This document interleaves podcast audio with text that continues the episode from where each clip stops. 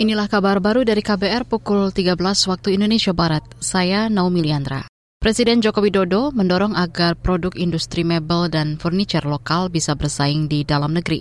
Jokowi meminta industri lokal menghasilkan produk unggul agar tidak kalah dengan mebel impor. Itu disampaikan Jokowi dalam pembukaan acara Asosiasi Mebel dan Furniture Indonesia hari ini. Karena kalau kita gabung belanja APBN, APBD maupun BUMN, belanja kita di 2023 itu sudah mencapai belanja 1 triliun 236 1236 triliun. Belanja itu bukan bukan hanya mebel. Dan mebel tadi disampaikan Pak Dedi kurang lebih 1,1 berarti 17 triliun gede banget. Presiden Jokowi juga mendorong agar pengusaha lokal segera memasukkan hasil produksi mebel ke katalog elektronik atau e-katalog untuk mempermudah penjualan. Dia ingin agar pengusaha Indonesia membuka diri untuk bekerja sama dan mengambil pasar di dalam negeri 100%.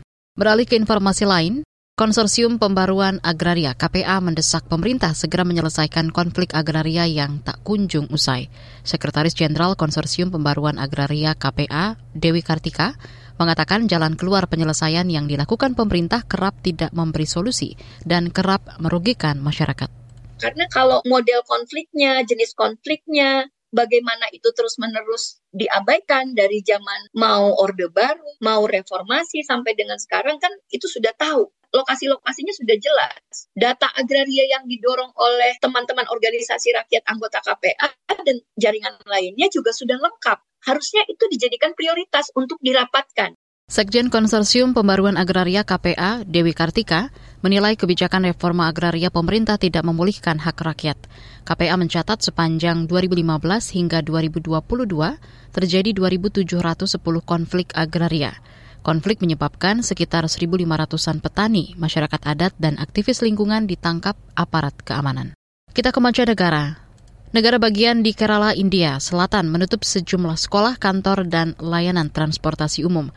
Dilansir dari Channel News Asia, penutupan diambil pemerintah di Kerala untuk mengendalikan penyebaran virus Nipah yang langka dan mematikan. Penyakit ini diyakini merusak otak dan telah menewaskan dua orang. Satu orang dewasa dan seorang anak masih terinfeksi di rumah sakit dan lebih dari 130 orang telah dites. Seorang pejabat kesehatan negara bagian di Kerala, India, menyebut virus Nipah menyebar melalui kontak langsung dengan cairan tubuh kelelawar, babi, atau manusia yang terinfeksi. Dua orang yang terinfeksi meninggal sejak 30 Agustus dalam wabah virus keempat di negara bagian tersebut sejak 2018.